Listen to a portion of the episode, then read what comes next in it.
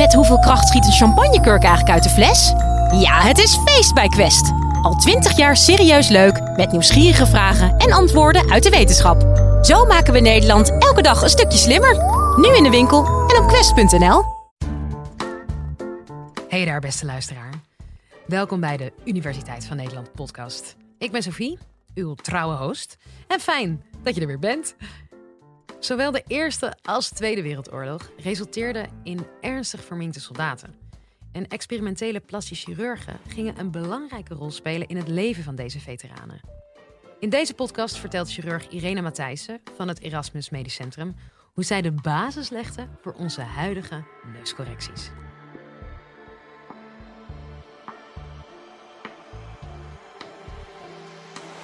Live vanuit Club Air is dit de Universiteit van Nederland. De Eerste Wereldoorlog is een van de heftigste oorlogen geweest die we hebben gevoerd. Je kent de meeste slachtoffers. Dan moet je je voorstellen dat dit in een tijd was waar de geneeskunde nog niets voorstelde. Deze oorlog is uitgevoerd vanuit de loopgraven. En wat dat betekende is dat al deze soldaten gezichtsletsels opliepen. Er werd met granaten gewerkt en die veroorzaakten enorme letsels aan het gelaat. Heel veel hebben dat dus niet overleefd. Er was geen opvang mogelijk, maar een aantal wel. Ongeveer 300.000 van deze soldaten werden dus na afloop van deze oorlog geconfronteerd met verschrikkelijke verminkingen van hun gelaat. En het is niet alleen de verminking op zich, die zorgt voor een sociaal isolement uiteraard, maar denk ook aan functie die helemaal verwoest was. Ademhaling, drinken, praten, het werd allemaal onmogelijk.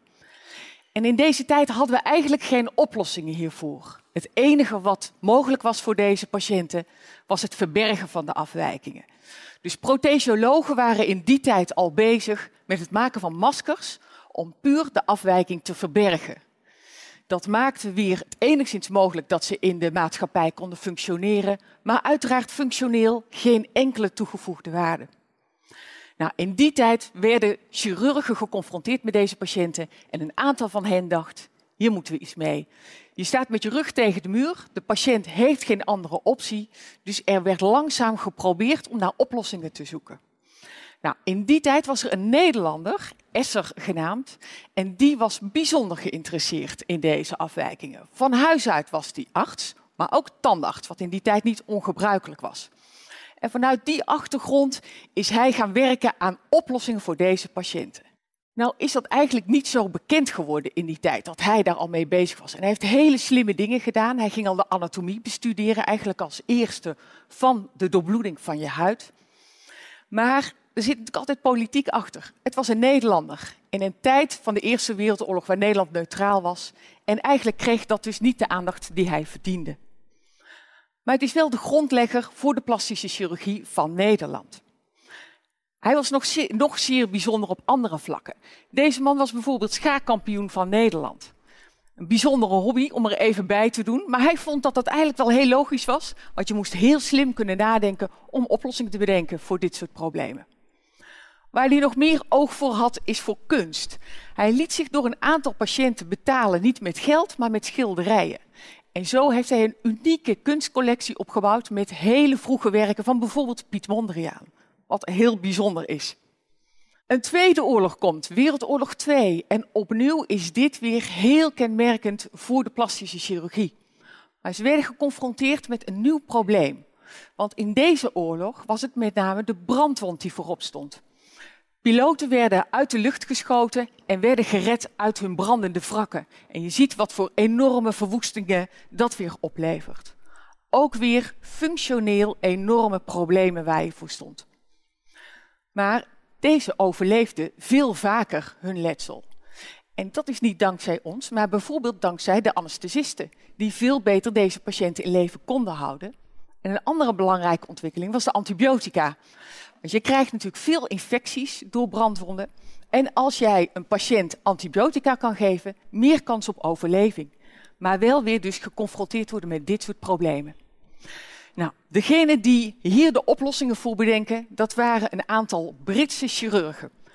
En die wisten ook natuurlijk niet wat ze eigenlijk ermee aan moesten. Er waren geen oplossingen in de boeken te vinden, dus ze gingen het uitproberen. En letterlijk uitproberen op deze soldaten.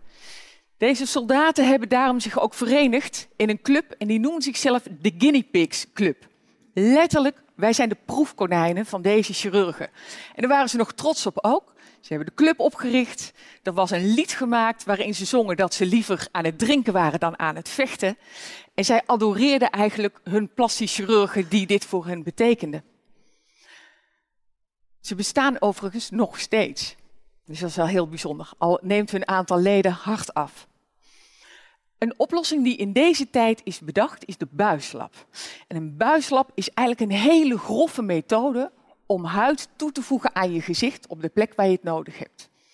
En dat kan er bijvoorbeeld uit bestaan dat je van je arm een hele lap huid lossnijdt op één deel na. Daar laat je maar vastzitten omdat hij nog doorbloed moet worden. Je hecht die buis, die lap huid aan elkaar en het uiteinde zet je vast op de plek in het gezicht waar je hem nodig hebt. Dat betekent dat je een aantal weken dus in hele ongemakkelijke houdingen zo vastzit. En pas na een aantal weken durfde de chirurgen dan die lap weer los te snijden van de arm. Ondertussen was er zoveel bloed weer ingegroeid vanuit het gezicht in die lap dat die bleef leven. Een vrij grove methode, maar het enige wat ze op dat moment hadden. En ze deden de gekste dingen. Het kon zijn dat je alleen nog maar huid op je been had. En dat ze daar dus zo'n buislap maakten. En in kleine stappen steeds omhoog, omhoog, omhoog kropen. Tot je eindelijk was daar waar je zijn moest. Nou, dat, dat kostte natuurlijk enorm veel moeite. En de resultaten waren niet dat je zegt, nou, fantastisch. Maar ja, het beste wat er op dat moment was. Hier zien we dus de eerste tekenen van de echte plastische chirurgie. Maar zoals altijd, als je teruggaat in de geschiedenis, dan is er veel meer nog te vinden. Ze deden nog meer in India. Ze maakten al neuzen van de voorhoofdlappen. Um, maar als je nog verder teruggaat, dan kom je zelfs op 390 voor Christus. En dan zitten we in China. En daar vinden we de eerste beschrijvingen van hoe ze een schizus, oftewel de hazenlip, opereerden. Nou, dat ging ook vrij grof eraan toe. Randjes van de twee delen van de lip werden afgeknipt. Geen narcose. Patiënt goed vastbinden wordt beschreven. En rechtop houden, want anders loopt al dat bloed in, uh, in de keel. Twee dikke naalden er doorheen steken en een draad eromheen draaien. Een paar weken wachten en dan zat het meestal wel tegen elkaar uh, vast. Heeft jaren, bijna eeuwen, zo is het zo gegaan. Nou, tegenwoordig doen we het gelukkig beter. Maar dit zijn zeg maar de eerste sporen. Maar nogmaals, die Eerste en Tweede Wereldoorlog, daar is waar we eigenlijk allemaal zijn gestart. En in Nederland waren er toen een aantal chirurgen die dachten van ja, dit, dit is zo'n mooi vak. Wij gaan naar Engeland, wij gaan het daar leren hoe het moet. En die kwamen terug in Nederland en in 1950 hebben zij de Nederlandse Vereniging voor Plastische Chirurgie opgericht. Met wel zeven leden op dat moment. Nou, die hadden wel een uitdaging. Hè? Het was net het begin van hun vakgebied en er moest nog van alles ontdekt worden van wat we konden gaan doen. Dus hoe kunnen we naar betere oplossingen komen? Nou, in 1957 kwam het eerste briljante idee. En bij al deze ontwikkelen moet je maar eens bedenken dat jij thuis iets bedenkt, er nergens iets staat beschreven hoe het zou moeten, en je gaat het gewoon doen. Op een patiënt. 1957 heeft iemand bedacht, je moet toch huid kunnen oprekken. Gewoon op de plek waar ik hem nodig heb. Denk aan een zwangerschap, daar kan ook huid eindeloos oprekken. Daarop geïnspireerd is de Tissue Expander ontwikkeld. Een simpel plastic zakje wat ze inbrachten op de plek van het oor bijvoorbeeld, waar je huid nodig had liep een slangetje onder de huid met een vulsysteempje wat naar buiten kwam. En dat vul je gewoon vrolijk bij met water. En als je het maar rustig aandoet, rekt je huid mee. En heb jij ineens huid op de plek waar je het meteen nodig hebt. Groot voordeel ten opzichte van die buislap. Ander groot voordeel, het is precies de huid die je nodig hebt. De goede kleur, de goede dikte. Dus veel beter dan zo'n lap die van je arm of je been komt. Een mooie stap maar nog steeds niet de oplossing die we eigenlijk zochten. Want je hebt niet altijd huid ter plekke beschikbaar om dit te kunnen doen. We zochten verder, want we wilden eigenlijk hele delenweefsel in één keer kunnen verplaatsen. Nou, dan kom je bij de microchirurgie terecht. Microchirurgie wil zeggen dat je onder een microscoop hele kleine bloedvaatjes kan gaan hechten.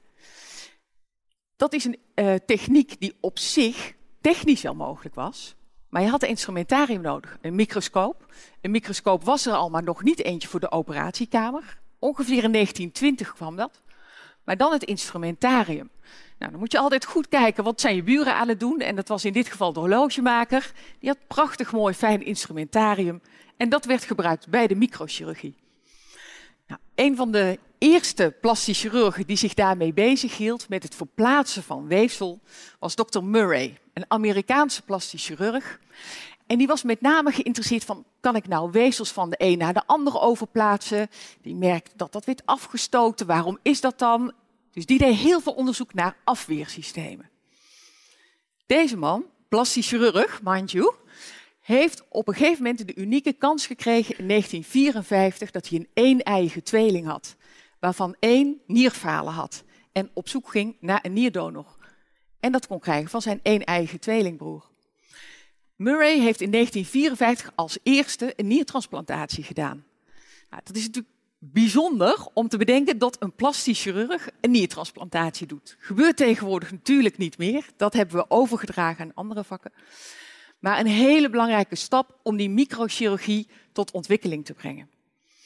In 1990 heeft hij daar ook de Nobelprijs voor gekregen. Wat maar even wil zeggen dat je geduld moet hebben als je iets briljants hebt gedaan, voordat je die erkenning dan krijgt.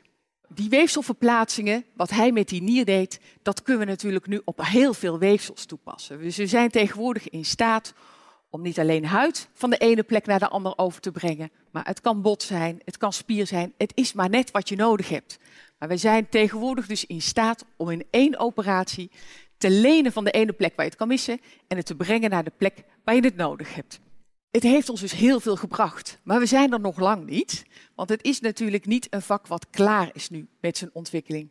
Dus er resteert ons nog een hele grote toekomst, maar die microchirurgie is wel denk ik het, het keypunt van onze ontwikkeling geweest. En de beginvraag van hoe komt het nou dat die Eerste Wereldoorlog ons heeft gebracht tot een plastisch chirurg? Nou, ik denk dat dat duidelijk beantwoord is. Er waren gigantische problemen, er waren geen oplossingen en er waren een paar chirurgen met lef die dingen zijn gaan uitproberen. En ik denk dat dat zeker in die tijd heel geaccepteerd was. Het vroeg ook veel lef van een patiënt, maar die had geen alternatief.